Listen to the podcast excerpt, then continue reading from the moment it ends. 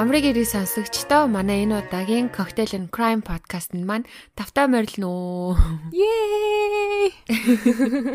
Yay! За манай Cocktail and Crime podcast маань амьдрал дээр болж исэн бодит гэм тэргүүдийн тухай детальчилж ярьдаг учраас ерөөхдөө насанд хүрсэн болон юмнаас амархан айдаггүй тийм хүмүүс сонсоорой гэж зөвлөдөг. Үнэхээр өөртөө сонсомоор байвал өдрийн цагаар бас сонсох хэрэгтэй юм билээ шүү те.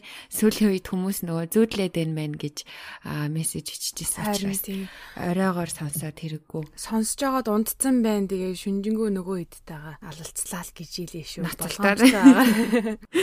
Харин тий. Эвгүй шүү эвгүй. Окей, энэ удаагийн дугаараар маань манай дулмаагийн хэргийн тухай ярьж коктейлээ хийж өгөх ээлж байгаа. За тэгээд коктейлоо тайлбарлаж эхлэх үү? За тэгье. Энэ удаагийн коктейлээр маш амархан коктейл сонгосон байгаа. Тэгээд карантин тогтоогдсон манай сонсогч нар тэгжсэн Монголд арх уухын мэдэр зарахгүй байгаа гэцүү юм бэ гэж тэгжсэн. Тийм болохоор энэ удаагийн коктейлийн сонголтоороо ямар ч тийм алкогоолны төрөлгүй коктейл сонгосон байгаа.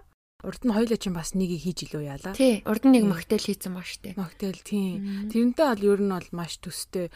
Би бас хаяа хийж өөрөө уудаг. Маш амархан. Би болохоор нэг бол газтай ус а эсвэл нөгөө ginger ale гэд юу гэдэг штэ цагаан ганы ундаа тэр хоёрын нэгийг нь сонгож хийдэг байгаа. Ихэнхдээ ginger ale хийдэг. Ginger ale-ыг улаан юм уу хар бүрэлдэхүүнтэй хойлоод тэгээ баг зэргийн гааны навч хийгээд уудаг байгаа.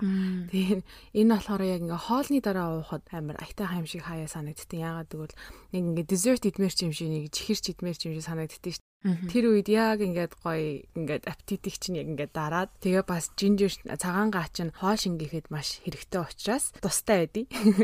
Тэгээ манайхан дэлгүүр ямар ч байсан онгорхоо юм чинь нэг хайлтныг гараад хоол хүнсээ цогцуулахтаа энэ гурвыг аваад тэгээд хийж уугараа. Гоё шүү.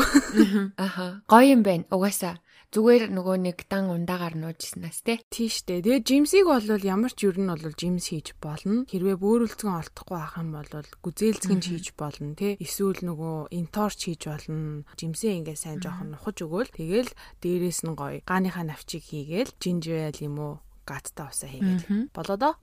За тэгвэл одоо хоёлаа хэрэгтэй шууд орох уу? Манайхан ч угаасаа уух юм ярьлаа гэж загнаад идэв юм чи шууд хэрэгтэй орё те. Гял сари. Гял сари.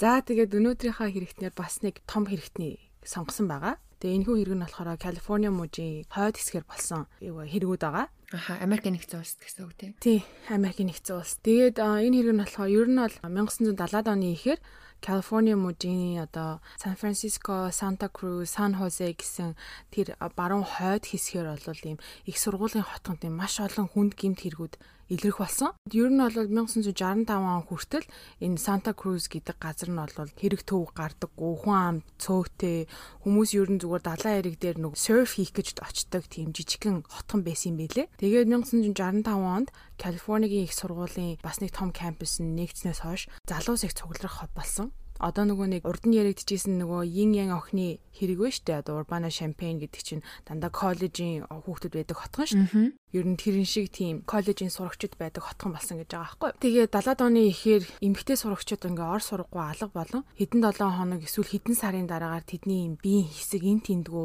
уул модон болон далайн эргээс олдож эхэлсэн. Ингээ бүтэн цогцсон биш эн тэндгүү хэсэг хэсэг хэсгээрээ хэргийг хэлгүүлэхэд маш хэцүү байсан. Тэр үедээ бас ингээ 70-ад он гэдэг чинь Ted Bundy бас нэлийн шуугаан тарилж исэн бас олдоогүй байсан. Тэгээд эн тэндгүү ингээ амар олон хэрэг болоод байдаг. Тэгээ Ted Bundy-гийн хувьд ч нь болохоор түүнийг бай болгож авдаг эмэгтэйчүүд нь болохоор ер нь хоорондоо ижилхэн зүс царай өндөртэй те ер нь ижилхэн охтууд байсан. А гэхдээ энэ хэрэг болохоор илрүүлэхэд маш хэцүү байсан учраас хохирогч нар нь хоорондоо ямар ч тийм ижил төс зүйл ер нь байхгүй. Ганц ижил зүйл нь болохоор эмэгтэй хүмүүс бүгдээрээ коллежийн сурагчид гэдэг утгаараа байсан. Аа тэгээ дээрэс нь яг одоо 70-аад онд чинь Америкт чинь нөгөө хиппи хөдөлгөөн гэд болж исэн шүү дээ. Одоо ястаа нөгөө don't worry be happy гэдэг хөдөлгөөн байсан тий. Хүн болгоныг сайн гэж боддог. Тэгээ бас дээрэс нь сайнны хажуугаар сар гихчээр бас хар тамхи бас маш өргөн дэлгэрэнгүй байсан болохоор нөгөө мөрдөгч нарын одоо хар тамхины хэрэгүү тий эсвэл юм одоо алуурчны хэрэгүү одоо яг юу болоод байгааг нь тогтоож чаддгүй. Энэхүү хэрэгүүдийг хүлээн авсан хилтэст ажиллаж байсан Michael Alufi гихт мөрдөгчд нэг хачирхалтай явдал тохиолддог байна энэ. Тэр үед нь болохоор Америкт ер нь бол гар буг худалдаа авахд маш амархан байсан. Одоо бол жоохон чангарсан л да. Тэр үед чинь болохоор бараг дуртай нь очиод буу худалдаа тавчдаг байсан юм шиг байлээ. Ер нь бол айдгаа үзүүлэл одоо ч нь бол лиценз миценз асуувал бүү юм болдсон шүү дээ. Сургалтанд нь суух хэрэгтэй, тий гар бууны сургалтанд суух хэрэгтэй, лиценз авах хэрэгтэй, тусгай мөнгө төлөх хэрэгтэй. Тэгээ бүх юмаа ингээд нөгөө serial number number-ыг ин бичүүлээд ингээд сүртэй юм болдог. Тэр үедээ болохоор ингээд бас хамаа намаагүй авчдаг байсан юм шиг байлээ. А гихтээ урд нь гимт хэрэгт холбогдчихсэн хүмүүсийг бол яах вэ? А сайн шалгадаг. Тэгээд тэр үед нэгэн залуу буу худалдан авахыг оролцсон байдаг. Тэгээд түүний хавтас цэргийг нээн харахад хэдэн жилийн өмнө хүн амны гимт хэрэгтэй холбогдсон тийм залуу байсан. Тэгээ нөгөө мөрдөгч Алуфи чинь гайхаад ер нь хэргийг ингээ шалгаад үзэхэд хэдэн жилийн өмнө хоёр хүний айманд хүрсэн. Тэгээд насанд хүрээгүй үедээ хэргийг үйлцсэн учраас одоо насанд хүрсэн залуу гимт хэргийг нь оджингүү болгосон байдаг. Одоо нөгөө насанд хүрэхээс өмнө хэрэгт орчоод засран хүмүүжүүлэх газарт суугаа засран хүмүүжсэн гэдгээ баталгаараа ер нь хэргийг хүчингүү болгоод нөгөө ирээдүгэн залаад өчтөн штэ. Ер нь тэгсэн байгаа аахгүй энэ залуу. А тэгээд ер нь бол хүн амны гимт хэрэгт хорсон учраас гар буу авах боломжгүй байх ёстой. Тийм учраас мөрдөгч маань тэр залууг очиж шалгаж гар бууг нь хурааж авах болсон байдаг. За тэгээд тэр залуугийн хаягийг олоод гэрт нь очиж шалгахад 25 настай. За хэлээ шүү. Edmund Kemper гэдэг залуу байжээ. Oh my god. Ed Kemper ээ? Yes, Ed Kemper байжээ. За тэгээ ер нь угаасаа Ed Kemper-ыг болвол а цагдаа мөрдөгч нараа андахгүй нэг юм байсан. А яагаад гэвэл тэрээр юм цагдаагийн байгууллагын ордог байсан бааранд байнга очиж тэдний одоо бараг нэг танилуучиг байдаг байсан байна байлээ. Тэгээ одоо тэр хавийн цагдаа нарын хэлснээр ер нь бол Ed Kemper тийм маш илдэг найрсаг, яриа хөрөөтэй хүн байсан ба өөрөө цагдаа болох ирмэлзэлтэй байсан ч нөгөө биеийн өндөр нөгөө Эд Кемпер чинь маш өндөр залуу штэ 2 м 2 м 6 см жилүү дээ. Амар өндөр. Биеийн өндөр бас жингээсээ болоод цагдаа болж чадаагүй нэг юм байсан байна. За тэгээ ер нь бол хүмүүс Эд Кемпер бол яг яг хин гэдгийг нь мэдэхгүй ч гэсэндээ ер нь зүс танин те. Тэгээд нөгөө мөрдөгч Алуфи чинь Эд Кемперийн герт нь нэр түүнээс бууг нь хураа авсан бөгөөд тэр үедээ болохоор машин болон багажийг ингээд шалгахад ямар ч тийм с ิจ төрүүлэм зүйл ганц ч гарч ирээгүй. Тийм учраас зүгээр л өө эн чи ямар аврах том биетэй залуу бэ гэхээс өөр юм бодлогүй өнгөрсөн гэж байгаа. За тэгээ тэр явдлаас хойш бууга хураалгаснаас хойш 2-7 хоногийн дараа өөр нэгэн мөрдөгч болох Jim Connor гих мөрдөгч шүний ээлжинд ажиллаж байхад үүрийн 5 цагт дуудлага орж ирсэн гэж байгаа. Дуудлага хинээс ирсэн бэ гэхээр Эд Кемпрес ирсэн нөгөө бууны эзэн залуу. За Тэгээд нөгөө мөрдөгч чин гайхаад яагаад хар үүрээр ингээд ийм нэрэ залгаж байгаа юм болоо яасан юм болоо гэж асуутал Эд Кемпер хэлэхдээ би Колорадо мужийн Pueblo хотод байна. Хэдэн хоног нойргоо явсан би маш их ядарч байна. Тэгээ би бас дээрээс амар муухай зүйл хийчихсэн. Би ээж болон ээжийнхаа сайн найзыг хөнөөгөөд гэртээ орчихсан байгаа гэж байгаа байхгүй. Мөрдөгч чинь гайхаад юу энэ одоо юу яриад солиороод байгаа юм ямар сонин дуудлага одоо ихэнх одоо хэрэгтнүүд хизээч тэгж залгаж өөрийгөө хэлчиж өгдөггүй шүү дээ тий. Тэгээ нөгөө нэг мөрдөгч чинь гайхаад юу яриад байгаа юм болоо гэ гайхсан байдалтай байсан чинь Эд Кемпер шууд хэлсэн байхгүй. Чи тэр Майкл Олуфи гэдэг мөрдөгчийг таньдаг уу? Хэрвээ таньдаг бол түүнээс асуугаарай. Манай гэрийг хаана байдгийг мэднэ. Одоо очиж шалгаад үз гэж хэлсэн байна. За тэгээд Jim Connor гихч мөрдөгч нөгөө нэг анх бууг нь хурааж авсан Michael Olufi гих мөрдөгчөө залгаад хэлтэл мөрдөгч чинь бүр ингээ шоконд орсон гэж байгаа байхгүй юу. Нэр юм болцсон байх таа гэж. За тэгээд бүгдээрээ уухантаас герт нь очиод бүх юмыг нь шалгатал харамсалтай түүний хэлсэн бүх юм үнэн гэдгийг нотолсон. Тэгээ бас Kemper ээжигээ болон түүний найзыг одоо хөнөөс нь дээрээс нь нэмээд сүүлийн 11 сарын турш ор сураггүй алга болсон охтуудын хэргийг би хийсэн гэж хэлсэн байгаа. Өөрөө тэгээ шууд хэрэгээ үлэгчиж юм уу? Тийм, өөрөө тэгээ шууд хэрэгээ би хийсэн, би тэр охтуудыг хөнөөсөн. За тэгээ угаасаа цагдаагийн хилцэж чинь буу юм болоод бүгдээрээ хэрэг үүсгээ за яасан ийсэн гэд. Болно дээ. За тэгээд хэргийн эзэн хингэргийн тохиор нь Edmund Emil Kemper 3 гих чинь 1948 оны 12 сарын 18-нд California мужийн Burbank хотод айлын дунд хүүхэд болон төрсэн байдаг. А тэрээр Cornell Elizabeth Kemper болон Edmund Emil Kemper хоёр гих гэр бүлийн ганц хүү болон төрсэн байдаг. Аавтайгаа нөгөө ижилхэн нэртэй Америкчууд чинь нөгөө хүүхдүүдтэй ингээд одоо юу хэмдэ нэрээ өвлүүлж үлдээх гэдэг хүү нартаа ижилхэн нэр ингээ өгөө явуулчихдаг шүү дээ тий. Тэгээ ер нь бол өвөөтэйгээ ижилхэн нэртэй, аавтайгаа ижилхэн нэртэй байсан байгаа аахгүй. Тэгээ түүний эцэг нь дэлхийн 2 дугаар дайнд гар бие оролцсон байлдаж явсан хаалт цэрэг бөгөөд дайнд дуусны дараа цөмийн бөмбөг туршдаг төрийн ажилтан байсан байлээ. А тэгээ гэр бүлтэй болоод ажлаа сольж цахилгаанч мэрэгжилт мэрэгжилтэй болсон юм шиг байлээ. Яг хизээ мэрэгжлийн ажлаа сольсон гэдэг нь дурддагаагүй байсан юм мэдээлэл байхгүй. За тэгээд түүний их Cornell нь цэхийн хийдэг цахилгаанч ажилтан дургу байсан. Чин гэвэл хар бор ажил хийдэг те ер нь бол арчаагүй гэж боддог байсных дараа нь дурддагдаг. Түүний эцэг сүүлд хэлэхдээ ээжтэй амьдрахад маш бэрх байсан. Тэр эмэгтэйтэй амьдрсан хугацаа минь цөмийн бөмбөг туршдаг эрсдэлтэй аймар ажлаас минь илүү хэцүү байсан бөгөөд тэр миний сэтгэл зүй дайны талбарт те бүтэн жил гарам тулалцсан аимшигт цаг мөчөөс минь илүү нөлөөлж чадсан. Тэгж амар бүр сэтгэл санаад нь нөлөөлдөг байсан гэж байгаа байхгүй. Үүнээс улбалаад харахад түүний гэр бүлийн уур амьсгал ер нь бол ямар байсан анзаарэгдэж байгаа ах. Ер нь гэрт нь байнга хэрүүл уруул тавгүй байдлуу дүүрэн байсан ээж аав нь байнга хэрүүл хийдэг. Ихэнх үедээ болохоор ээж нь дандаа одоо цэгтээ нь ингэж хэрүүл үдэж дандаа ингэж жижиг сажиг юм дээр хэрүүл хийдэг байсан гэж байгаа аахгүй.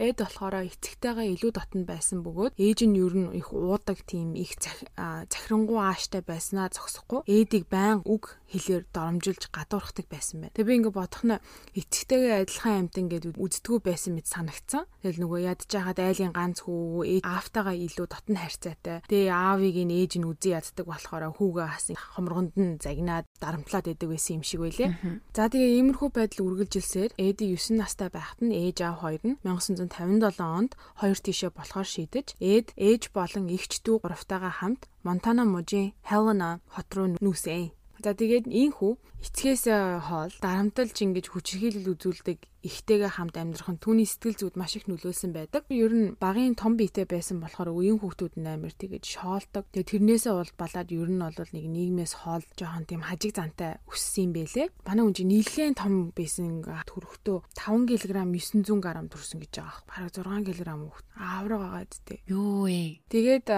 эд бараг 6 кг төрсөн бөгөөд нас би гүйцэхдээ мань хүн заяа 2 м 6 см өндөртэй бараг 140 кг жинтэй байсан гэж байгаа. Ямар амар. Килограмм ихэр ч бараг 300 хэдэн паунд. Вау, амар авраг залуу. Зүгээр эний төсөөлөөрөө манайхаа амар авраг залуу байсан байгаа зү. Тэгээ ер нь угаасаа зургийг нь харахад бол ямар ч хүн сүртгэхэр тийм одоо байдалтай. Эвгүй. За одоо гэр бүлийн тогтворгүй байдал болон одоо энэ ээжийнхэн дарамтнаас үүснэ үү бас яг ингээд дотор нь байсан юм уу мэдэхгүй А гэхдээ түүний ийм сонин хачирхалтай одоо гаж гэх юм уу та зан характер нь ер нь багаасаа гарч эхэлсэн. Баг бахтай энэ дүүгийнхээ барбигаар тоглож ингээ гар хөдийг нь тастаж тоглолдог байсан гэж байгаа байхгүй ингэж хэрчиж зүсэж. Зүгээр ингээ зулгааж үеэр нь салгах биш ингэж тэгэж хэрчиж зүсэж тоглолдог байсан. Тэр одоо сонин зан характер нь даамжирсаар байгаад 10 настайдаа тижээвэр муура амьдаар нь болон хөнөөсөн байдаг.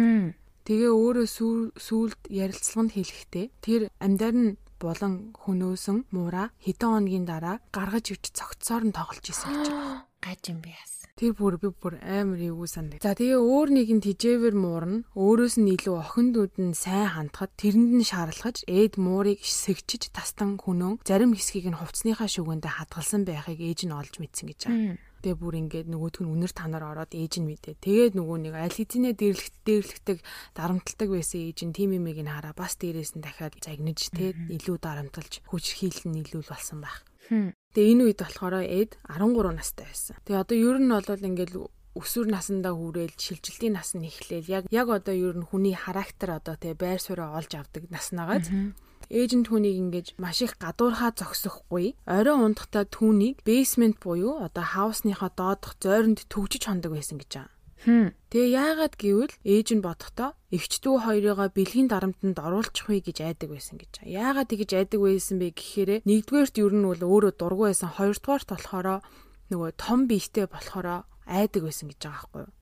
Аа бас ээж нь бас л мэдээд ээжтлээ тий. Гэхдээ бол одоо хүүхэд наснд нь бол ямар ч тийм өөр хүүхдэд юм уу өөр хүнд тийм бэлгийн дарамт үзүүлж исэн гэсэн нотлохоо байхгүй өөрөө ч хэлж байгаагүй. Ер нь бол амтан тамалж зовоож хөнөөдөг байсан. А гэхдээ ямар ч тийм бэлгийн юм байгаагүй гэж байгаа байхгүй. Тэгээ бас ботхоор ээж нь бас ингээд арай бас дэндүү байсан юм шиг. Яг хөө сэрэмжилсэн л юм байна л да. Тэгээ ер нь бол ээдийг тий байнга ингээд том биетэй хачин мэдрэл амтан химээ ад үздэг байсан. А ер нь бол тэр байдлыг нь эгчдөө хоёр нь угаасаа хараад ер нь үлгэр жишээ авч байгаа штэ. Тэрнээс улбаалсан уу яасан том эгч нь бас эдийг бас маш их дээрлэгдэг байсан юм билэ. Жохон бахт нэг удаа түүнийг ирж буу галт тэрэгний урагшаа түлхэж байсан гэж байгаа.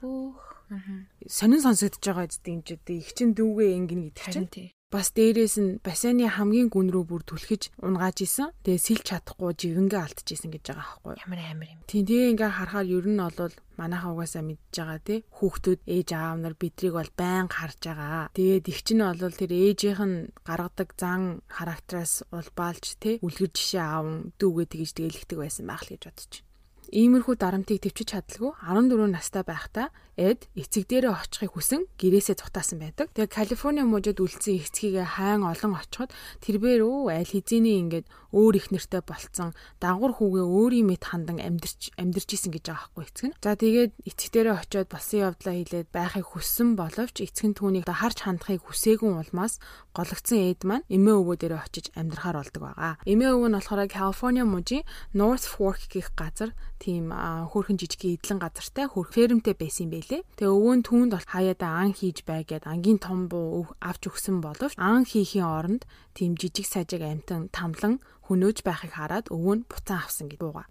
За тэгээ өвөө нь болохоор ер нь тийм хөвшөж зүнсэн байдалтай. А эмээ нь болохоор бас ээжтэй адилхан юм ааштай дарангуй зантай хүн байсан юм бэлээ. Тэр нь бол мэдээж эд таалагдаагүй тий. Нэг дарангуйлаас нөгөө дарангуйл руу ирэхэр чинь бас хэцүү шттэ. За тэгээд 1964 оны 8 сарын 27-ны өдөр 15 настай эд эмээтэйгээ маргалцсны улмаас эмээгээ ангийн буугаар тархинд нь нэг, нуруунд нь хоёр удаа будан хөнөөсөн байдаг. 15 наснда штэ. Ямар амар юм бэ? Тэр үед өвөө нь ингээд гадуур явж байгаа гэртээ ирсэн гэж байгаа байхгүй. Тэгээ өөрөө дараа нь тайлбарлахдаа тэгээ өвөө минь гэртээ ирээд нас орсон ихнэрээ хараад шоконд ороод зовох байхтай хэмээн бодон өвөөгөө сэтгэлийн зовлонгоос аврахын тулд түүнийг мөн адил буудан хөнөөсөн байдаг. Oh my god. Өөрийнх нь тайлбарснаар бол өвөөгөө те хайрлсан учраас хөнөөсөн гэж байгаа. За тэгээ тэр үедээ Эд ээж руугаа залган болсон явдлыг хэлсэн байдаг. Тэгээ угаасаа цагдаа сэргийлэх үржирээ барьж авдаг. Яагаад энэ хэргийг үйлдэх болов гэж асуухад тэр хэлэхдээ би зүгээр л эмээгээ хөнөөчвөл ямар мэдрэмж авах болоо л гэж ботсон гэж мэдүүлэг өгсөн байна. Ер нь зүгээр л хөнөөхийг хүссэн учраас хөнөөсөн. За тэгээд 15 настай ийм аимшигт хэрэгт үйлдсэн Эдиг мэдээж угаасаа сэтгэл судлалын олон шалгуурт оруулсны эцэст сэтгцийн өөрчлөлттэй Isabella Guzman охин шиг schizophrenic paranoiaтай хэмээн оншилж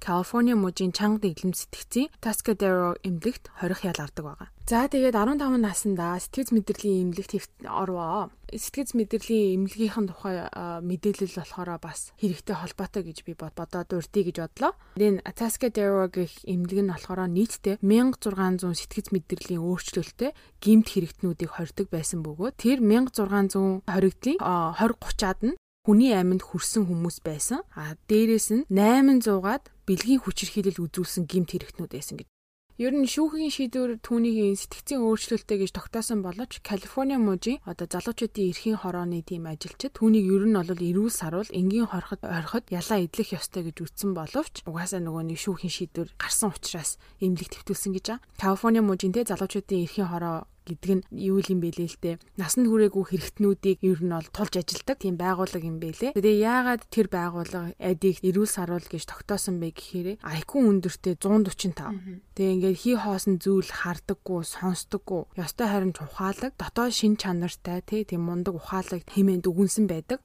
Одоо ярилцлага өгөөл одоо мэрэгжилтэнтэй ярьж байгаа штеп.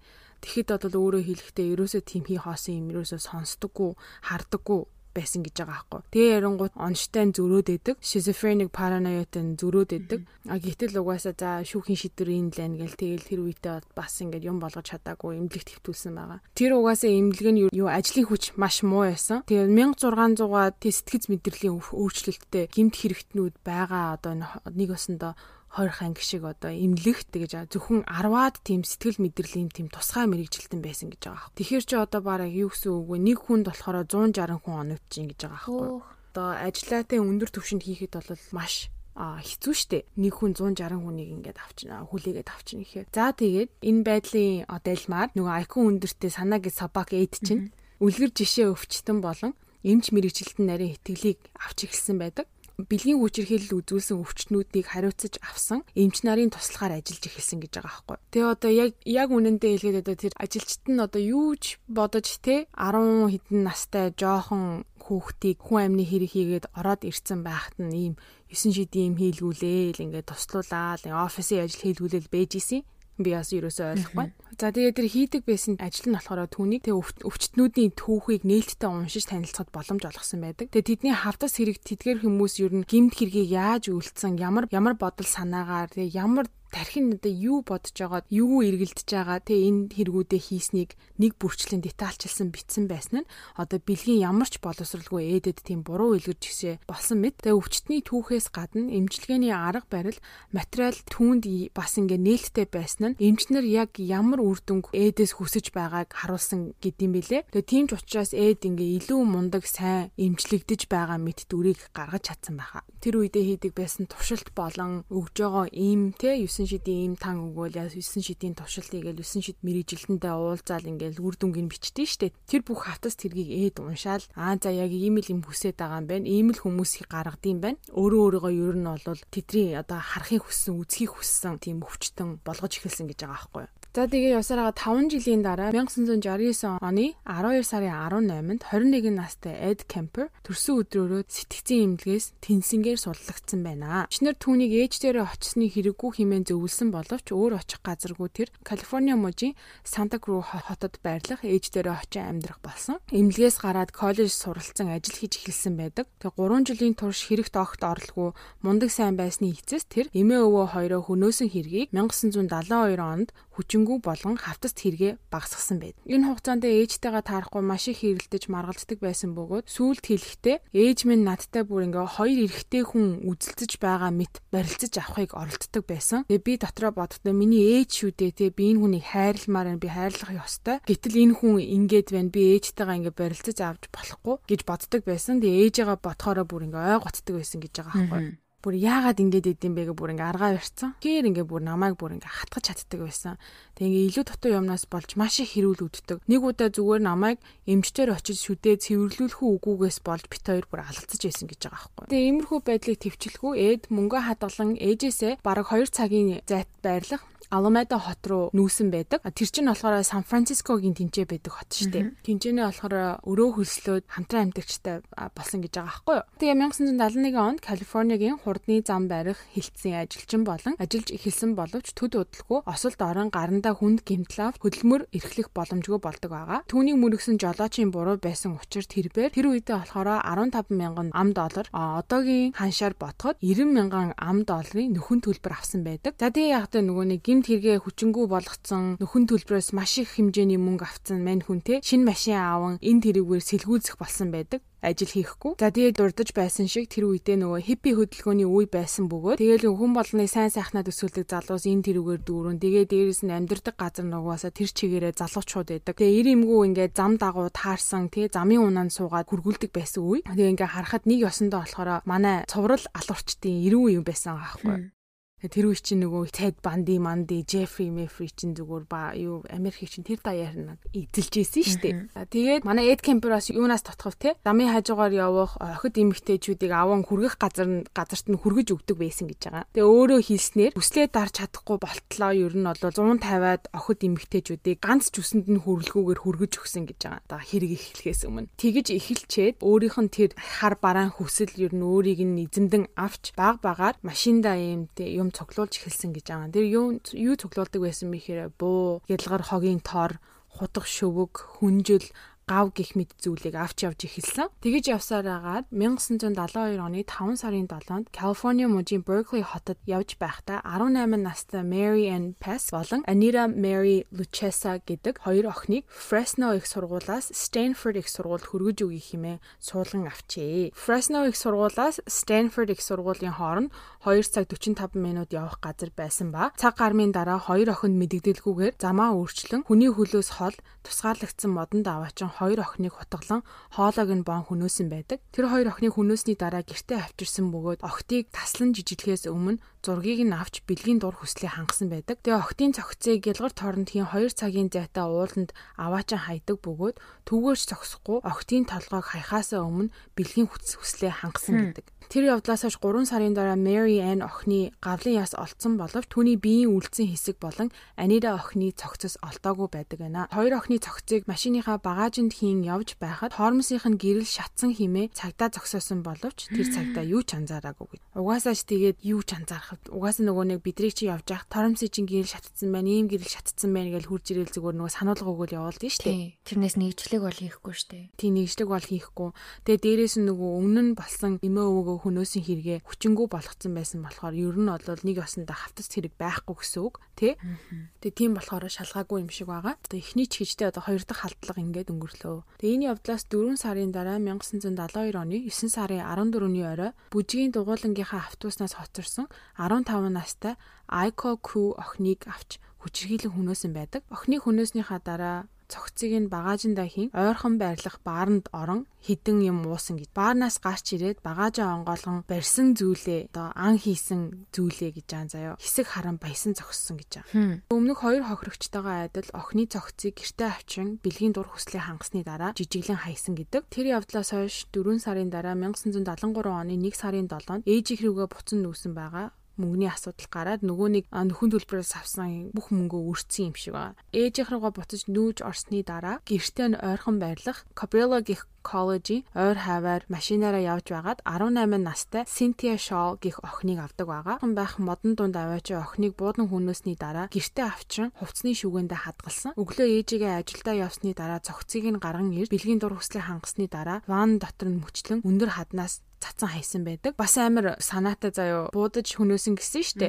Тэгснээ цогцыг нин тэндгүү тараад хаяхаасаа өмнө биенээс нь бууныхаа сумыг олж авсан гэж байгаа. Вау. Яагаад гэвэл бууны сумыг нь хараад тэр буугайл ингээ нөгөө сериалаар нь юу олоод авчдаг. За тэгээ тэр охины биеийг тэгээ уул хаднаас хайсны дараа хайсан ч охины толгойг хадгалан хэдэн өдөр бэлгийн дур хүслээ хангасан гэж байна. Дур хүслээ хангасныхаа дараа ээжийнхээ цэцгийн хүлэмжинд тэр охины ингээд царайг нь ээжийнхээ цонх руу харуулan булсан байдаг. Тэгээ дараа нь баримтлагтаад учрыг нь тайлбарлахдаа ээж минь те хүн болгон өөрийг нь харж үлгэр жишээ аваасаа гэж боддог байсан болохоор би тэр охиныг ээж руугаа дээш нь ингэж харуулж тавьсан. Яа нэмэр амар юм бэ? бүр амар боталтай байгаа зү юу. Тэгээ хэдэн 7 хоногийн дараа охины гавал болон баруун гараас бусад хэсгийг олсон бөгөөд эвлүүлдэг тоглоом шиг тийм электроник хөрөөгөөр тайрсныг илрүүлдэг одоо jigsaw puzzle шиг төсцсөн байсан гэсэн.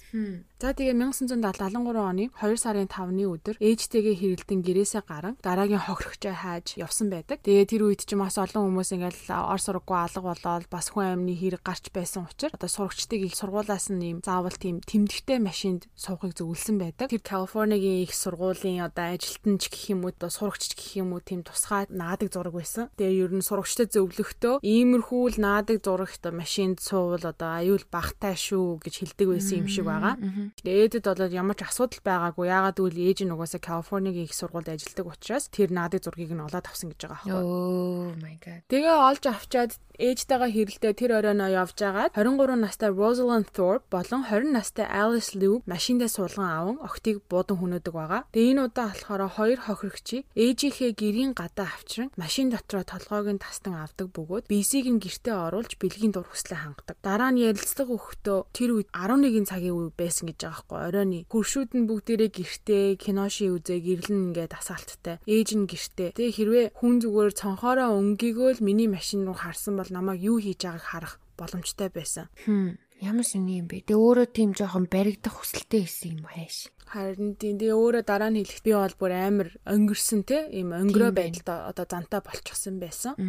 Одоо баг хүмүүсийн нүдэн дээр хүртэл ийм зүйлийг хийгээд баг баригдах байсан нь одоо бас нэг ясандаа өөрөө өөрт нь бас ийм одоо таашаал өгдөг байсан юм хээш. баригдчих үедээ гээл те. Нэг тийм дээсний дөрөөн дээр үйлдэл хийдэг хүмүүс эдэг штэ те. Одоо ингээд хичнээн яахыг хүсгүй баригдахыг хүсгүй байгаа ч гэсэндээ тэгэж баригдаагүй дээ тэндээсээ илүү их таашаал авдаг ч юм. Дараа нь бодож тийм. Тийм л хүн байсан юм байна л та.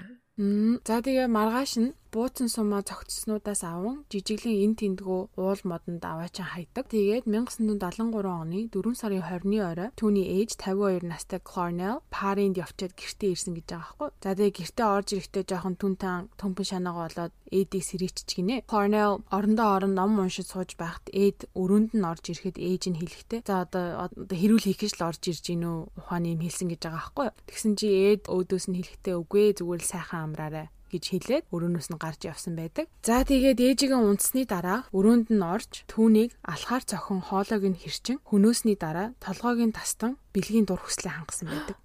Ээжтэйгээ юу? Yes, ээж. Ах, ямар байдлаар. Тэгээ өөрөө хэлэхдээ ээжийнхаа толгойг тавгуур дээр тавин шүнжэнгөө түүн рүү орилж хашгиран дарц шидэн суусан гэж байгаа. Дээрээс нь түүний хил болон дууны хөвч мөгөөрсөн хоолойг нь тастан авч угаалтуурын хог одоо нөгөө нэг жижигэлдэг тийм машин байдаг штэ Америкт угаалтуур руу ингээд доошо хог орчхоор ингээд гацчаар ингээд жижигэлчдэг дэр гэдэг дуурдаг машин. Тэр машинд хийсэн боловч угаасаа тасалж эвдэж чадаагүй ээжийнхаа тэр мөгөөрсөн хоолойг нь яагаад гэвэл дэндүү хатуу хүчтэй байсан гэж байгаа байхгүй. Тэгээ сүүлд яагаад ийм зүйл хийснээ тайлбарлахдаа тэр эмэгтэй олон жил өгүүлж намайг доромжилсныхаа шангийг хүртэх ёстой байсан. Тийм болохоор хөлийг нь тастаж авч дуунуудаа тэр хоолойг нь ингэж үгүй хийхийг хүссэн гэж байгаа байхгүй. За тэгээд түүний цогцыг хувцсныхаа шүүгэнд хийн нуусны дараа гэрийнхээ ойрхон байрлах бааранд орж хэсэг сууд ууд суусан гэж байгаа. Тэгээ ууд сууж сууж байгаа гэртээ ирээд эренгүүтээ ээжийнх нь найз болох Sarah Hallett гэх эмэгтэйг оройн хоолнд урьж гэртээ дуудсан байдаг. Тэгээ тэр эмэгтэйг эренгүүт нь түүний хөнөөж ээжийнхээ цогцтой хамт тавьсан байдаг. Sarah Hallett гэх эмэгтэйн цогцыг бол ер нь бол 9 шидээр оролцсныг бол мэдэхгүй байна. Яагаад гэвэл мэдээлэл байхгүй байсан. Зүгээр л хөнөөсөн гэж бичсэн байлээ. Ээжийнхээ болон ээжийнхээ найзын цогцыг хувцсны шүгэндээ хийж нуусны дараа Колорадо мужийн Pueblo хот руу цухтаасан байдаг. Тэр хот нь болохоор 1600 км-ийн зайд байрлах бөгөөд 20 цаг машин барих байсан. Тэгээ өөрөө хэлэхдээ ерөөс унтаагүй 20 цаг тэр чигээрээ машин бариад явсан гэж байгаа байхгүй. За тэгээ тэр хугацаанд одоо ингээд ээж байгаа хүнөөч гисэн удахгүй намайг цагдаа нар хурж ирээд хөөгөөд намайг авах байх гэд ботсон гэж байгаа. Тэгээ Pueblo-д очиод мэдээ радиогоор өөрийнх нь тухай ярихгүй, өөрийг нь хайхгүй болохоор нь гайхаад, өөрийг нь иргэн сурвалжлахгүй болохоор нь гайхаад, өөрөө цагдаагийн хилцс рүү залган хэрэгээ хийлсэн гэж байгаа байхгүй. Өөрөө ер нь бол харахад ингээд баригдахыг хүссэн юм шиг байгаа. Тэгээ хэрэгээ хилээд нөгөө нэг залгаас те би ингээ маш муу юм хийчихлээ би ээж болоо ээжийнхаа найзыг хөнөөчихсөн. Тэгээ цагдаа нар очиод ингээд шалгасан чинь угаасаа үнэн байсан. За тэгээ угаасаа бүх юм ингээ үн илрээд Ed Camper-ыг барьж аваад мэдүүлгийг авахд одоо энэ бүх болсон бүх хэрэгээ хүлээсэн байдаг. Тэр охиныг тэгж хүнөөсөн, тэгж хүчирхийлсэн, тэнцээ би цогцыг нь хайсан, тэгж хайсан гэдгээ бүгдээрингийн илэн далангуу ярьж одоо бүр цагдаа нартай нийлэн хэргийн газарт очиж зарим цогцыг олж өгсөн гэж байгаа. Яагаад өөрөө өөрийгөө барьж өгсөн талаар асуухад өөрөө хэлэхдээ одоо хамгийн анх бодож байсан зорилго маань алга болчихсон. Надад ямар нэгэн тэ тийм бие мах бодийн болон тийм бодит сэтгэлийн зорилгыг минь хангаагүй одоо энэ хийж исэн юмнууд хүчирхийлэл алхууд нь тэ энэ бүх зүйл зүгээр л юм цэвэр цагийг дэмий өнгөрөх байсан. Тэгээ би өөрөө өөрийгөө сэтгэл санаагаараа удаан энэ зүйлийг ингээд хийж дааж явж чадахгүйгаа ойлгосон. Сүүлдээ би энэ бүр хараал идсэн явдлыг бүр ямар тэнийг юм бэ гэдгийг мэдэрч эхэлсэн бөгөөд бараг ядарч бүр туйлдаа хурж унангаа алдаад ер нь боли одоо бүх зүйлийг дуусгая гэж бодоод хэрэгээ хэлчихсэн гэж байгаа. Бүх зүйлийг цагдаа нарт илэн далангуу хэлж хэрэг үүсээд 1973 оны 10 сарын 23-нд түүний шүүх хурал эхэлсэн байдаг. Тэгээ өмгөөлийн баг болохоор түүнийг ерөн сэтгцийн өөрчлөлтөд галзуу хэмээн онцлох гэж оролцсон боловч шүүхээс онаасан гурван сэтгэл зүйч мэрэгжилтэнгүүд түүнийг эрүүл саруул ухаантай хэрэг үйлдэхдээ бүх зүйлийг мэдэж байсан хэмээн тогтоодог. Тэгээ өөрөө хүртэл 11 сарын 1-нд нь хурлын танхимд суун хийсэн хэрэгээ хүлээж бүх зүйлийг ярьсан гэж байгаа байхгүй юу. Тэгээ яагаад чи ийм хэрэг хийсэн бэ гэж асуухад тэдгээр эмэгтэйчүүдийг би өөрийн болох гэж хөнөөсөн гэж хэлдэг. Тэгээд хин Ted Bundy бас яг шүүх хурал дээрээ ингэж хэлж ирсэн штэ. Яагаад ингэсэн гэхээр би тэр эмэгтэйчүүдийг өөрийн болгохыг хүссэн гэж. Кемпе өөрөө ер нь цаазын ял авах өсөлт гаргасан. Надад шууд ингэ цаазын ял өгөөд намайг хөнөөгөөтгөөч. Тэгээд цаазын ял ялдаа бүр намайг тарчлаан зовоож хөнөөгөөч гэж хүссэн боловч Калифорниа мужийн хуулиар цаазын ялыг төр хугацаанд зогсоосон учраас 8 удаа насаар нь хорих тийм ял авдаг. Одоо тэрээр Сан Франциско хотоос 2 цагийн зайд орших Калифорниа мужийн эмнэлгийн байгууллагт хоригдож байгаа бөгөөд хид хідэн удаа даван заалдаж тэ тэнсэн авах тийм хүсэлт гаргах боломж байсан ч өөрөө хүлээн зөвшөөрөөгүй. Учир нь тэр хэлэхдээ нийгэм над чих хүнийг хүлээж авахд бэлэн бос байгаа.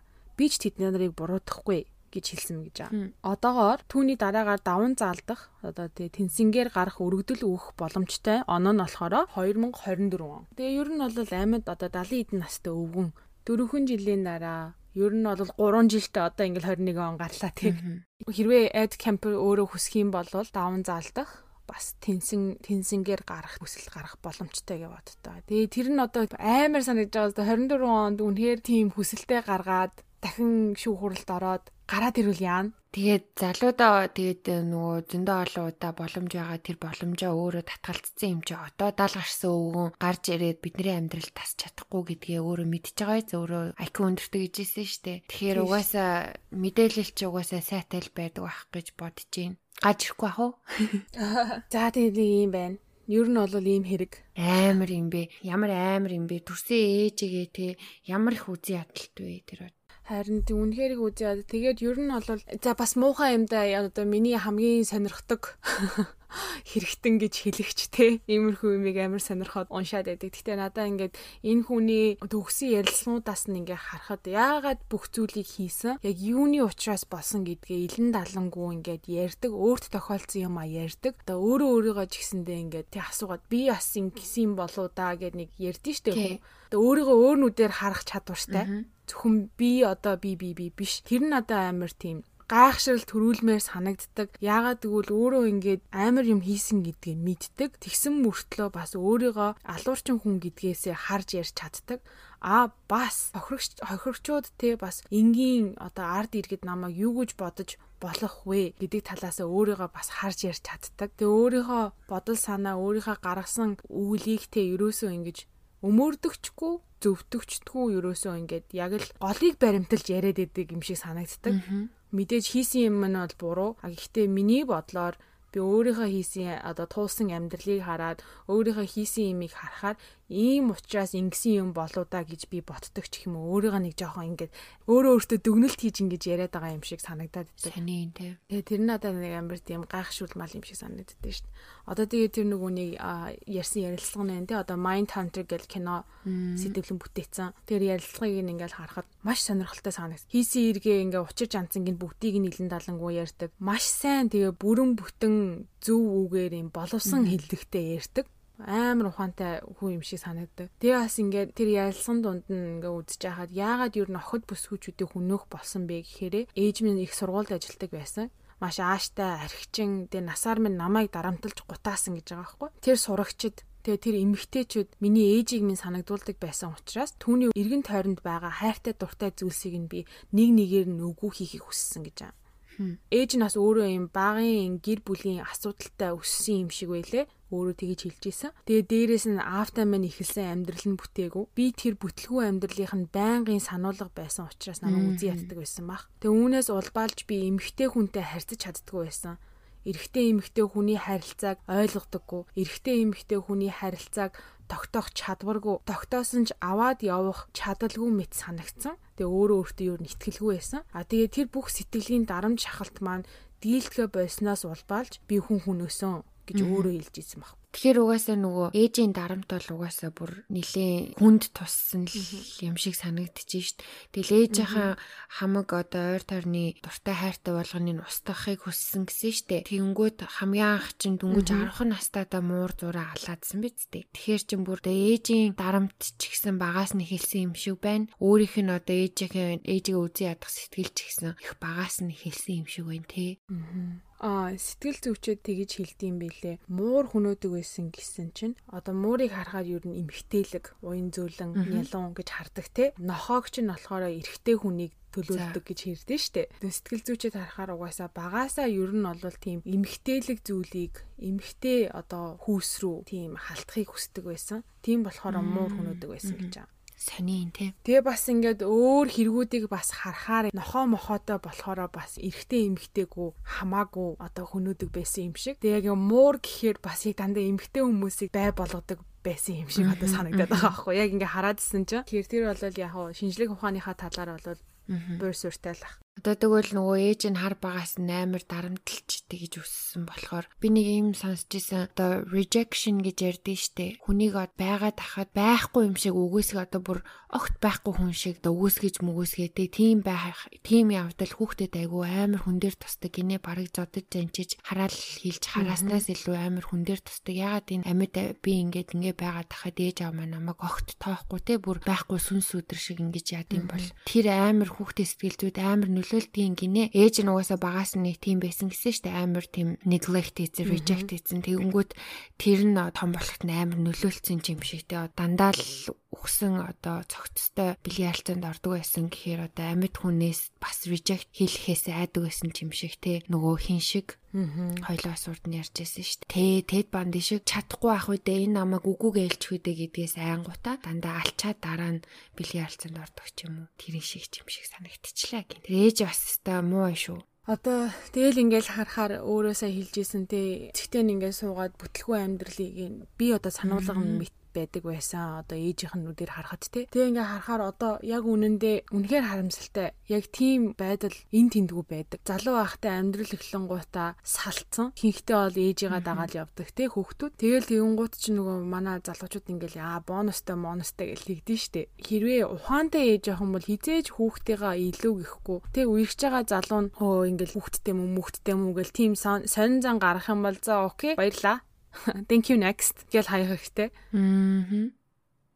Одоо ч сарцангуй гайгүй ахaltaй тий 50 60 даван гэдэг чи одоо нөгөө эд ялангуяа Америк гэд чинь тий гэр бүллээ ганц ганц бие эмэгтэй хүн ялангуяа тэр тусмаа хүүхэдтэй ганц бие эмэгтэй хүн чи бүр бүр нэг амир адлагддаг байсан шүү дээ. Тэгэнгүүт ээж дээр нь ч ихсэн тэр нь маш их стресс болсон байх. Нөгөө хүүгээ харахаар одоо бүтлгүүцсэн гэрлэлтэнд санагдаад өөрөө ч ихсэн байж яддаг байсан байх. Тэгээ тэрийгэ хүүхэдтэй гаргадаг нь л энэ хүний алдаа болчихчихлээ тий. Тийм шүү дээ. Хэрвээ тэрийгэ тэгж энэ эд дээр гаргадаг чаддаггүй одоо ихийн ясаар хайрлсан бол бас ийм хүн болооч үгүй ч. Хэцүү. Энэ дээр улбалж харахад би бол ээжийг нь бол үнэхэр буруу. Баг багт нь л дэрлэгдэг байсан том болоод дээрлэгсэн. Өөрөө тэр ярилцлага өгж байхдаа хэлэхдээ би тэр эмэгтэйг хайрлах гэж оролцсон. Бүр тэр эмэгтэйг шүү. Ээж ч гэхгүй те. I try to love her. Би хайрлах гэж хүссэн, би хайрлах гэж оролцсон. Боломжийг ер нь олгоогүй гэж хэлж байгаа. Тэгээд тэрнээс улбалаад өөрөө бас ярилцлаган дээр хэлэхдээ бас миний нэг буруу нь болохоор би өөрөө өөрийгөө илэрхийлж чадахгүй нь миний буруу байсан. Өөрийгөө илэрхийлж чадахгүй болохоор тэр одоо сэтгэлд байгаа нэг юм бул хар чулуу шиг юм дарсаар дарсаар тэ нэмэгцээр нэмэгцээр агаад дэлбэрч гарч ирээд хүмүүсийг хөнөөсөн байгаа хгүй юу юм бол харахаар Эд Кемпер ер нь бол ингээл судлаад сая уншиж байхад урд нь ч гэсэн нэгж боддог байсан. Харахад нэгдүгээрт бол тэ за гэр бүл тогтургүй байлаа. Ээж аав саллаач гэсэндээ зүгээр ээж аав хоёрын харьцаа хоорондын харьцаа биш юмаа гэхэд хүүхдүүдтэй гаргаж байгаа зан авир үнэхээр чухал юм байна. Эцэг нь хүртэл хаяа явцсан. Үл ошоогоо тоохгүй. Өөр хүний хүүхдийг өөрийн юм шиг өсгөөд явж ийн хэр чинь хүүхд нь хараад гомдсон шүү дээ. Нэгдүгээр тгийж санагц одоо гэр бүлийн харилцаа, эцэгхийн салалт, салалт болгон муухай байх албагүй. Гой байж болно, тий. Хоёрдугаарт бас ингээд ухаарсан юм нь өөрийгөө илэрхийлж сурья өөрийгөө илэрхийлж сурыг. Хүмүүс өөрсдөө илэрхийлэх гэж байхад нь бас ойлгохыг хичээжээ. Тэг ингээс одоо төвчээртэй сонсоод аа за тэгсэн юм уу ч юм уу а чи тэгэж бодоод аа за ингэсэн юм уу ч юм уу те төвчээртэй одоо сонсож сурсан нь дээр л гэж бодсон штеп Тэгээд нөгөө нэг тэр авийнхаа цагдаа нартай айгүйх найзууд тэр цагдаа нарын орж ажиллаа тараад орж уудаг баарнд айгүйх байдаг. Цагдаа нартай айгүйх найзууд болсон байсан. Чи бас хэлсэн штэ одоо хин нэгэн гэрээсээ ингээд цонхороо өнгөйгөл харсан бол тэр машинд юу болж байгааг анзаарах байсан те. Тэгэхээр юм нэг тийм хүний анхаарлын төвд байх дуртай ч юм шиг. Одоо хүнд хүлэн зөвшөөрөгдөх амар дуртай болсон байж та одоо энэ багасаа ээж нь байгаа үгүйгийн ч одоо бараг тоодоггүй байсан учраас тэгэнгүүт олонний анхаарлын олонний ч юу ахтай одоо тэгээд ялангуяа тэр одоо цагдаа нар чинь одоо хүч чадалтай хүмүүс шүү дээ. Тийм хүмүүсийн анхаарлын төвд орж ингэж хүлэн зөвшөөрөгдөх нь одоо тэрнээсээ каф авдаг нь тэгээд дээрэс нь одоо тийм өөртөө мангар ихтгэлтэй байж тэр хүний нүдэн дээр илхэн илхэн шахуу хүн алж байгаа энэ төр нь ээжээсээ аваагүй тэр одоо юу анхаарлыг хүссэндээ юм уу итгэсэн байж магадгүй гэж бас бодсон. Бас дээрэс нь нөгөө угаасаа цуврал алуурчуд чинь тэднэрийн ер нь нэг нийтлэг зан чанар штэ тий. Тэгээ хойлоо зөндөөл хүмүүс ярьсан дандаа ер нь тийм зан чанартай байгаадсэн тий. Тэр бас амар дон гэж орж ирлээ. Тийм зантай байсан юм байна гэж бодогдлоо.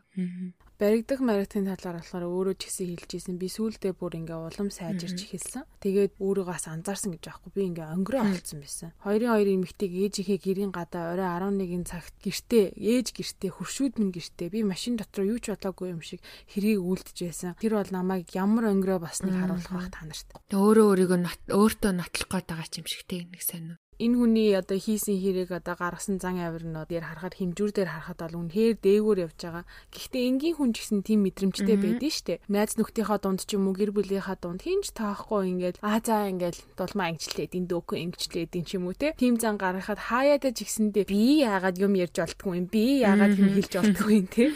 Яагаад миний үгийг сонсч болтгүй энэ та нар нэг тийм мэдрэмж төрдөн штэ энгийн хүнд ч гэсэндээ. Гэхдээ нэрээ нэрээ толомжгүй энгийн хүнд ч гэсэндээ тийм мэдрэмж үнэхээр төрдөг те. Тэгээ энэ хүнийг чинь болохоор яах вэ? 100 мянга дахин илүү том нөгөө хэмжүүртэй л байгаа юм шиг. Өөрөө ингээ хэлэхдээ би ингээ яг ингээ параллел юм хоёр ертөнцид амьдраад байгаа юм шиг надад санагддаг байсан гэж хэлж байгаа байхгүй. Би ингээ хэрэгээ үйлдчихэд те тэр охины ингээ цогцыг би ингээ цүнхэндээ аваад тэр охины өөрийнх нь цүнхэнд нь хийгээд гэрлүүгээ ингээ оруулаад шатаар дээшээ өгсөж байхад хурш ялгийн хоёр хос залуу хажуугаар инээлдээд сайн үгээд толгой дохиод өнгөрч төрж исэн үе байгаа. Тэр үеийг ингээ бодохоор миний ертөнц зинчээ, эдний ертөнц тэнчээ тий яг ингээд хоёр ертөнц хоёулаа параллел ойрхон зөрж байгаа мөртлөө яг ингээ бодохоор маш их зайтай хоорондоо шал өөр ертөнцүүд. Тэгээ тэр байдлыг бодохоор надад маш гайхалтай санагддаг байсан гэж өөрөө хэлж байгаа бас л сонины юмнаас л таашаал авдаг хүн байна. Харин тий. За энэ хүний тухай мэдээлэл бол маш дэлгэрэнгүй эн тэндгүү байдаг. Маш олон бас кино сэтгэлэн бүтээсэн байх. За тэг нэг юм хэрэг байна да документ. Аимшигтай, аимшигтай, аимшигтай. Хоёлоо угаасаа ойрын үед сонсогч нартай зориулаад хамгийн хүнд хүнд хэдийгээ бараг их хөвчлэн ярьчих шиг боллоо шүү дээ. Тийштэй нөгөө нэг мүлжүүртэй амгээ хүсэдсэн мүлжүүртэй юм өглөө дараа нь мүлжүүргүй ахын бодлол бидний буруу биш шүү. Энэ бас л нөгөө топ хийдийн одоо аимшигтай хүмүүсийн нэг штэ тий. Гэр бүлийн тухайл бас л бодчихл сууж ин да одоо тэгээ дугаар болгон дэр боддог шиг. Ээж нь ч гэсэн одоо бас ямар хэцэг гэхийн гай байсан юм мэдхгүй штэ тий. Бас нийгмийн бас нэг хохирогч юм шиг. Тэгээ угаасаа хоёулаа за ер нь хэрэгүүдийг яагаад ингэж ухаж түнхээд яриад байдаг учир нь энэ хүмүүс одоо зүгээр нялх нараа хөөхөд төрөөл алуурчин гимт хэрэгтдэг хөвчлэн болдгоо юм байна. Ер нь бол барыг худалч хүнд гэхдээ барыг 99% нь За 99 биш юм аа гэхэд за 95% нь бол ер нь бол дандаа юм багаас нь гэр бүлийн нөлөө те орчин тойрны нөлөө, найз, нөхөд одоо тэг юу ээ амьдарч байгаа тэр нийгэм бол амар нөлөөлдөг байгаа. Тэр одоо хүний хамгийн ойрхон байгаа эхний эхний давхраг бол угаасаа гэр бүл а дараа нь найз нөхөд тэгээ дараа нь ингээд нийгэм гэж явж байгаа штэ. Тэгээ тийм болохоор ингээд гэр бүлээсээ эхлээд сайн нэхууртай ажиллаж хүүхдүүдтэй өсөх ёо. Ер нь тэгээ битээр ч гэсэн одоо энэ подкастаа хийж эхлээд хэдхэн сар болж байгаа ч гэсэн маш олон гоё мессежүүдийг авдаг. Тэгээд ерөнхийдөө бол хит хитэ ээжүүд битээр лөө ингээд зүрх сэтгэлийнхаа углуурганы үгээ бичиж явуулж ийла. Тэгээд тэрэн дээр бас өөртөө ч гэсэн айгүй хөрхөн нин угу амьдралаа ярьж исэн те. Би өөрөө ийм зовлонтой байсан. Нэг мэдсэн чинь хүүхдээ би ингэдэг болцсон байлээ. Би тэгээ тэрийг өөрөө барьж авсан те. Би хүүхдээ дахиж хизээч ингэхгүй гэдгээ одоо өөрөө өөртөө амлсан гэх. Тэгэхээр одоо үнэхээр нийгмийн дарамт бол байгаа. Бид нэр угаасаа л монголчууд ядж ижил нөгөө нэгэндээ муугаа үзүүлэх дургүй хүмүүс шүү дээ. Нийгмийн дарамт бол байгаа. Дээрээс нь муугаа үзүүлэхгүй хүсдэг хэрнээсээ сэтгэл зүйн ямар ч тийм одоо боловсрал байдаггүй. Шар хадал гэж бид нар барыг мэддэг бах тий. Одоо орчин үед одоо сүүлийн эдэн сүүлийн 10 жил бол арай гайгүй болж байгаа юм шиг харагддаг. Гэхдээ тэрнээс өмнө бол бид нарыг жоохон баха жоохон л согохтой бол шар хадал гэдэг газар байдаг байсан. Тийм шүү дээ. Тэгээд одоо бол сэтгэл зүйчд маш олноороо төрж байгаа юм билээ айгүй мундаг хүмүүс төрж байгаа юм билээ. Тэгэхээр манайхаа одоо эмнэлэгт очиж үзүүлдэг шиг ханаа төрхээрээ эмнэлэгт очдог шиг сэтгэл зүйчэд жоохон юм болохгүй жоохон тийм адын бодол орж ирдэг ч юм уу эсвэл өөрөө энэ би биштэй гэсэн бодол орж ирэхэд л очиж ярилцахад одоо ер нь бол буруудах юм байхгүй шүү дээ. Тэгээд амар гоё мессежүүд ирдэг. Тэгэхээр юу хэлэх гээд байна гэхээр одоо битори хийж байгаа юм нэг ч ихсэн хүнд хүрж байгаа юм байна гэж ойлгож байгаа. Тэгээ манайхаа угаасаа ухаантай дор дороо ойлгож байгаа байх. Энэ олон түүхийн жишээн дээр гарч ирж штэ ар гэрийн асуудал хүүхдийн хүмүүжилд ямар их нөлөөлдгийг одоо бүгдээрээ хэлэлтгүй мэддэг болчихлоо гэж үзэж гин манайхыг сонсдог хүмүүс. Тэгэхээр яг уу дор доороо хичээцгээе. Бидний үеийн залуучууд бол ерөнхийдөө generation Z-ийн ч гэсэн ер нь бол айгүй мундаг байгаа штэ. Тэгж бодоод байгаа штэ. Тийм. Илүү дуугарч чаддаг, хэлэх юмаа хэлж чаддаг. Тий, эрхээ сайн мэддэг, үүргээ сайн мэддэг болоод байгаа юм шиг санагдчихж байгаа. Одоо энэ хүмүүс ингэж идэв штэ, хоёрын энийг чи сонсоод хүүхдүүд сэтэл авал яг уу мэдгүй би л авсан ч ихсэн тэрийг үйлдэл болгож үзүүлэх хэмжээний тэнэг хүүхэд бол ховор ах гэж бодож байна. Ер нь бол айгүй тархины бядтай хүмүүс байгаа ах гэж бодож штэ. Тийм болохоор айгүй айгүй итгэдэж штэ. Гайгүй ах гэж. Манай монголчууд гайгүй ах уу.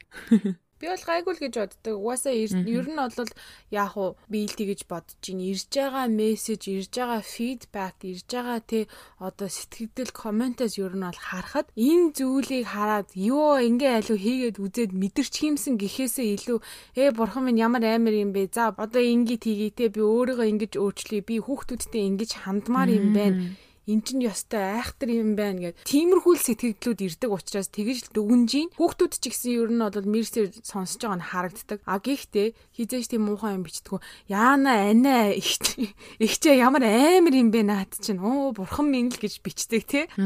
Бүр айчлаа одоо сэтгэл үлдээдэг. Тэгээд тэрнээс нь ингээ харахад Йоо за яста бурхан тэнгэр минь дахи ийм юм өрөөсө бодолтгүй юм байна. Эн чи өстэй амар юм байна. Бас өөрөө өөртөө дүгнэлт хийгээд би чинь бас гайгүй байгаа юм байна да гэж боддог ч юм шиг санагдтiin. За тэгээд ер нь бол урд урдныхтаа ижилхэн л мессежтэй угаасаа бит хоёрын дугаар болгон ер нь ижилхэн л мессежтэй байдаг тий. Бит хоёр чинь тийм сэтгэл зүйч биш ээ. Бит хоёр чинь тийм мундаг мөрдөгчнөр биш. Бид нар одоо тийм дарга мундаг цэргүүд нь биш. Тэр нь тийм энэ нь тийм гэ хилдэг хүмүүс биш. Зүгээр яг уу манайхаа ийм юм бэдий шүү бас ингээ өөр дээрээ ингээ тусгаж аваад юу болоод байна яагаад байна гэдгээ жоохон дүгнэлт хийгээд хэрвээ өөрөө өөр дээрээ бурууг олж чадах юм бол тэрийг өөрчлөөч ээ. Тэгээ та өөрчлөгднө гэдэг чинь нийгэм өөрчлөгднө гэсэн. Тэр л мессежийг түгээх байгаа. Тэрнээс иш тэр бол тийм, энэ бол ийм гэж юусоо хэлэхгүй зүгээр ийм байна. Факт нь ийм байна. Бид нар юу хийж чадах вэ? Биднэрт адилхан юм юу байна? Яг энэ барууны оронд болсон өөр дэлхийд даяар том хөгжилтэй орноор болсон малсан гэл манай эд ярьж байгаа. А гэхдээ Мерс ирхэн угаасаа Монголд ижлэх юм сонсогддог. Тий, эндээс жишээ аваад сон одоо сэрэмжлүүлэх тий шугамар ярьж байгаа учраас манайхаа угаасаа мэддэм байлээ. Хойлоо ингэж хэлсэн хэлээгүү.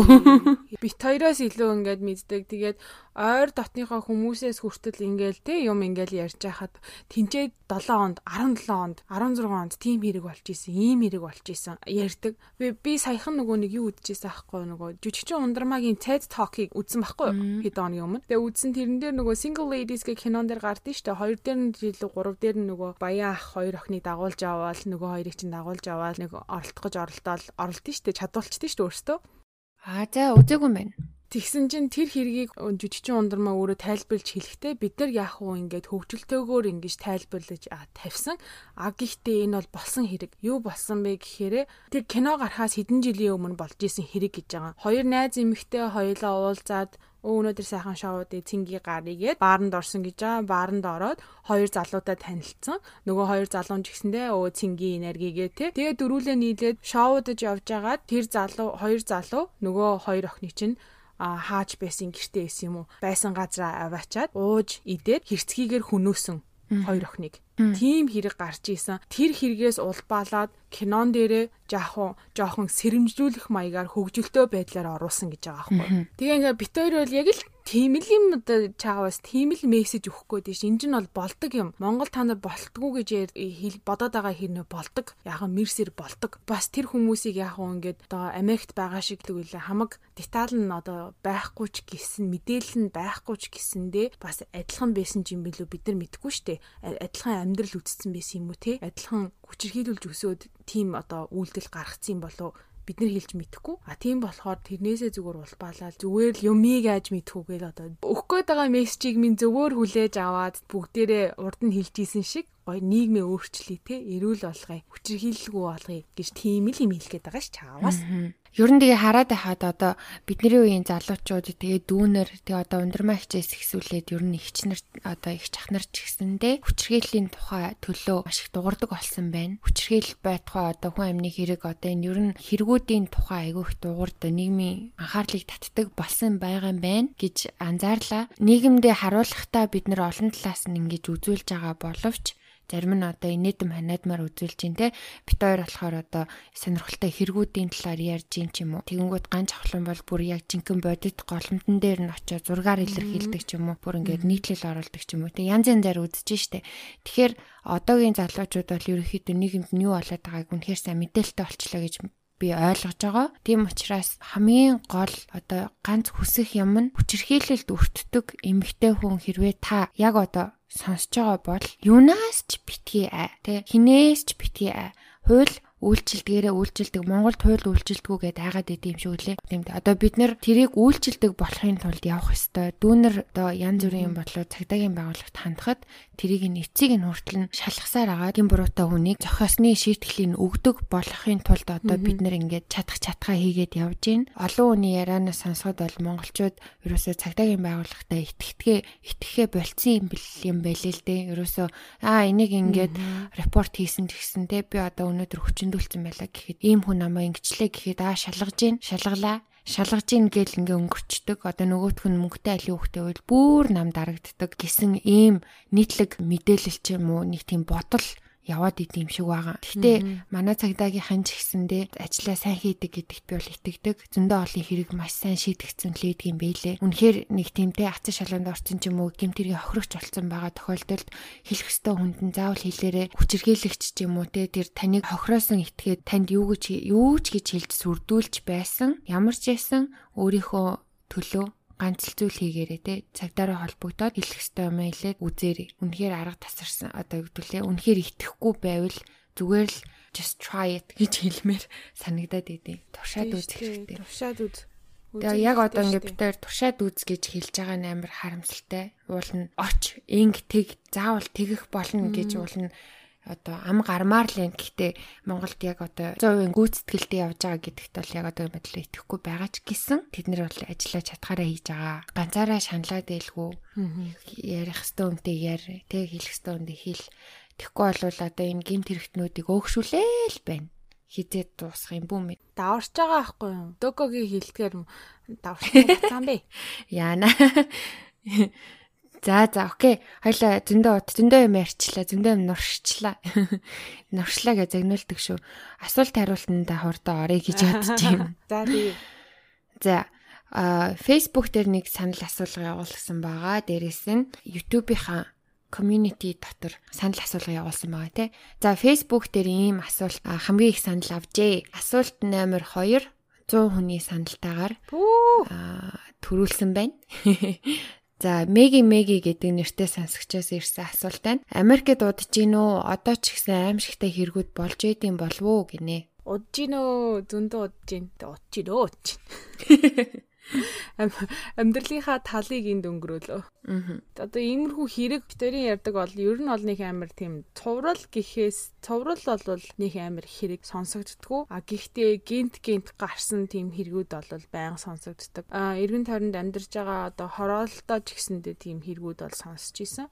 Тэгээ ер нь бол харахад иймэрхүү хэрэг бол хоол иш ойрол байдаг юм байна гэдгийг ер нь ойлгосон. Тийм байна. Докогийн хувьд За миний хувьд бол Америкт ирээд одоо удаж ийн гэж хэлж байгаа хүний хажууд бол удаагүй. Удаагүй гэж хэлж байгаа хүний хажууд бол удсан юм шиг. Нэг тийм хоёрын хооронд гурийн донд байгаа тань.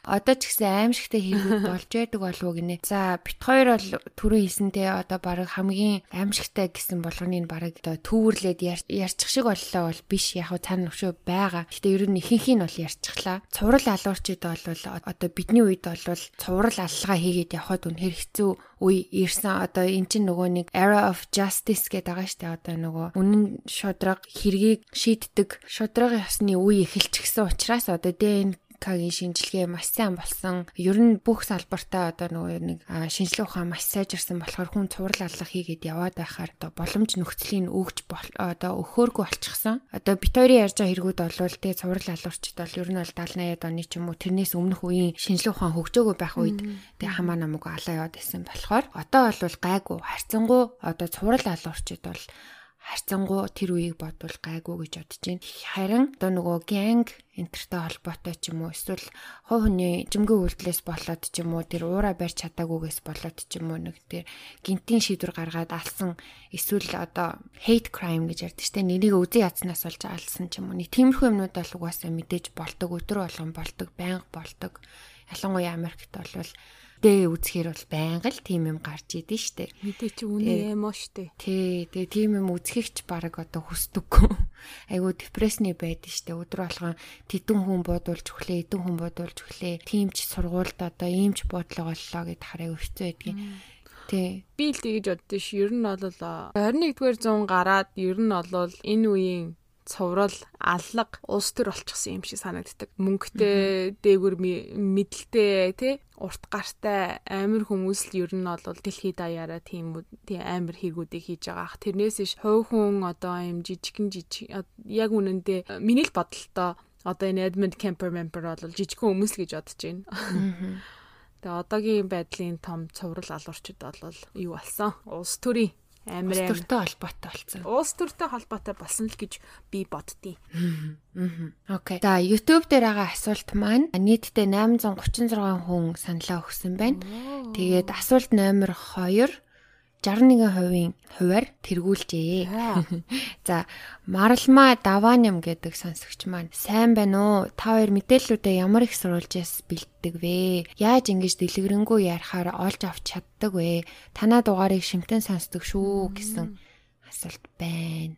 За, та чи тэргүүлээд ир. Окей. За ямар ч хэсэн дэмжиж байгаад нь амар баярлж байна. Ямар их сурвалжаас бэлддэг вэ гэвэл мэдээж маш олон их сурвалжаас сонсдог. Яагаад тэгэхээр мэдээнүүд хоорондоо зөрдөг байхгүй юу? Одоо жишээ нь нэг хүний ярьсан подкастыг сонсоод дараа нь нэг нийтлэл уушгаар 10 хүн алдсан байна гэж ярьж исэн бол нийтлэл дээр 13 хүн алсан байна ч гэдэг юм уу те. Маш их зөрдөг.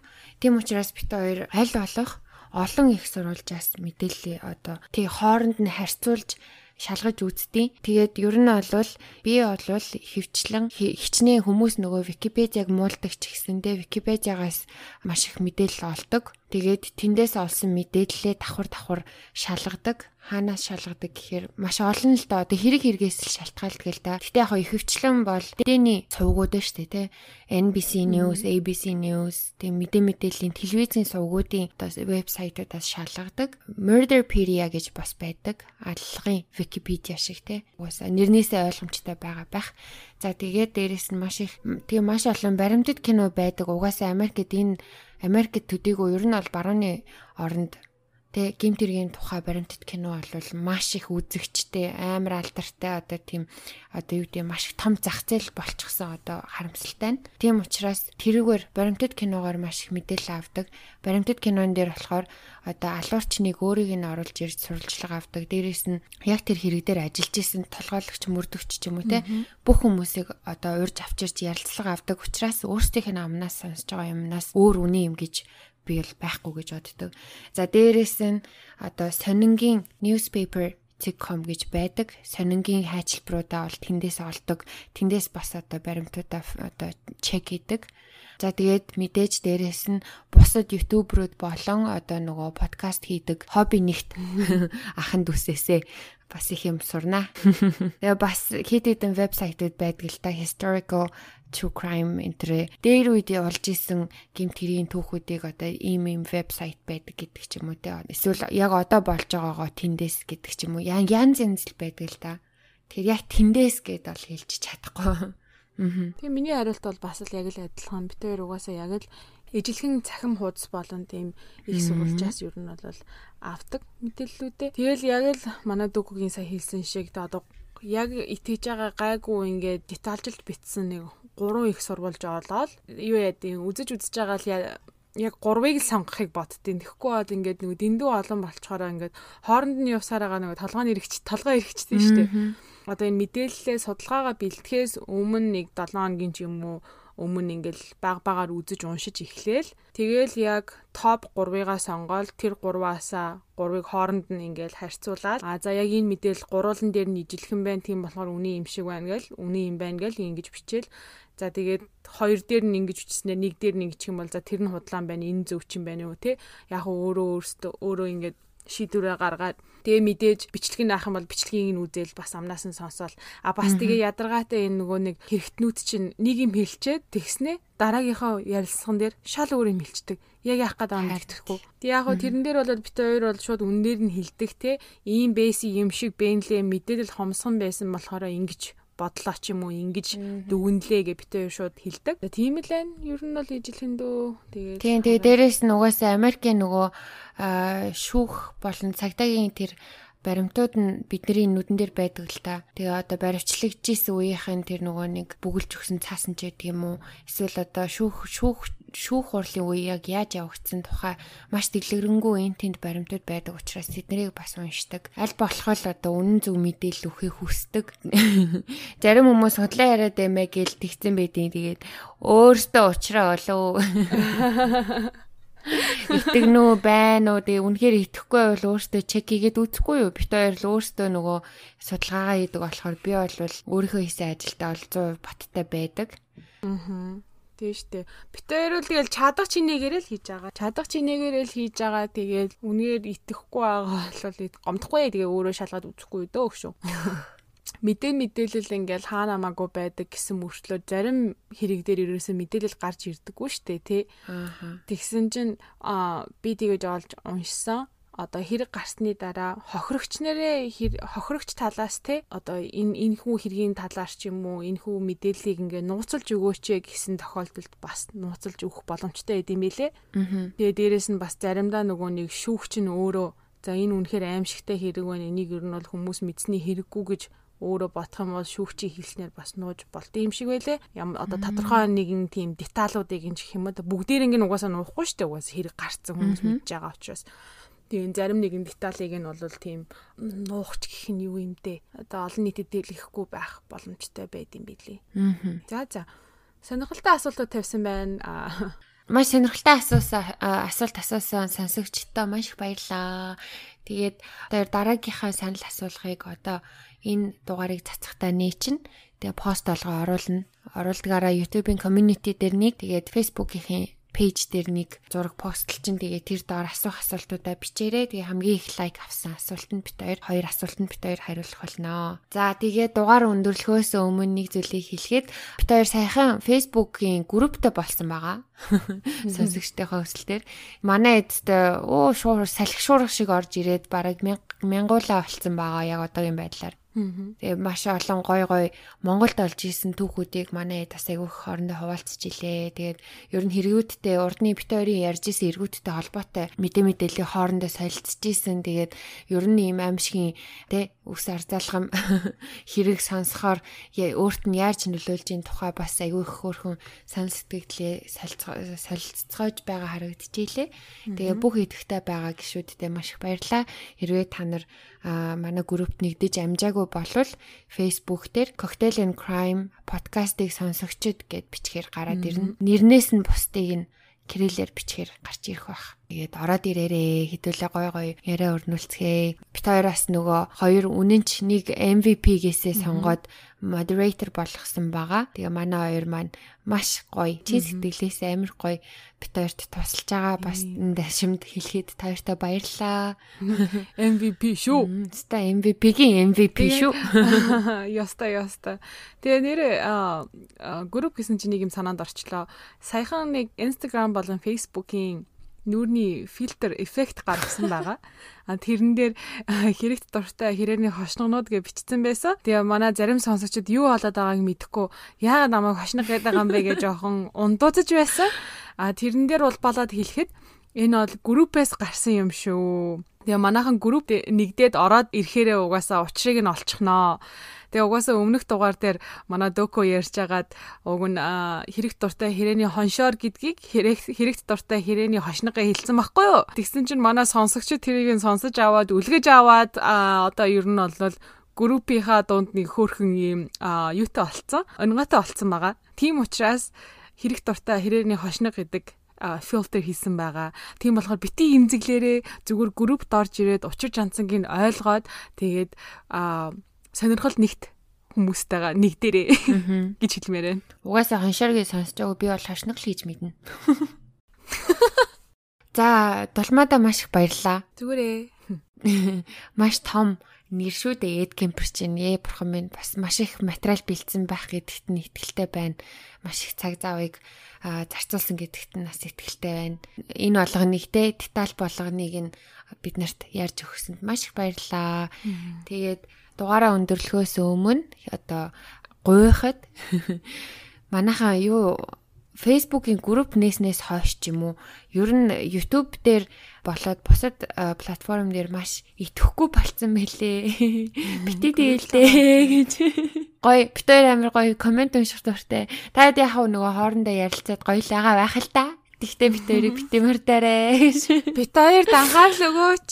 Бит хоёрыг анхаараач гэдэг шиг. Тэгээ гоё YouTube дээр урдных шиг гоё сэтгэлээ үлдээгээд дуртай байгаа бол лайка дараа дургаа бол дислайка дараа дараад ер нь бол байгаа гэдгийг мэдрүүлээрэ гэдэг штеп. Тэгээ бид хоёр ч гэсэн ер нь контент хийж байгаа хүмүүсийн хувьд ер нь хэр хэмжээнд явж ин гэдгээ өөртөө мэдхийг хүсдэг учраас та хэдийн маань одоо санал сэтгэл маш их чухал үнэтэй байдаг юм шүү гэдгийг дахин дахин хэлье. За тэгээд хэрвээ имерхүү те хэрэг болсон явдал болон гемт хэрэгтийн тухай сонсох сонирхолтой байж магадгүй гэж бодсон. Найзууд руугаа бас хуваалцаарай. Хэдүүлээ угаасаа нөгөө групп дээр одоо нэг гоё юм гэр бүл үүссэн байгаа. Тэгээ бөөнөрөө гоё гоё гоё юм хийнэ за. За тэгээд энэ хүртэл одоо бит хоёрыг норшихыг сонссон хүмүүс чи хэн байдаг вүлээд болмаа? MVP. Яа. За тэгээ MVP-нүүд маань өөрөө өөрсдөө мэддэм байлээ. Угаасаа хоёр ч гэсэн мэдж байгаа. Тэгээд маш их баярлаа. Та наргүйгээр хоёр угаасаа энэ хүртэл явахгүй байсан бах гоё байна. Аа баярлалаа. За за нэрээ үнэхээр баярлаа. Бүгдээрэнд нь хайртай шүү. MVP нар минь хошлогнууд минь. Яана би энэ үгийг ерөөсөө юу ч бодоогүй хэлсэн шүү. Та нар бити эмзгээр хүлээж аваарай. За тэгээд дараагийн дугаар хүртэл түр баяртай. Bye.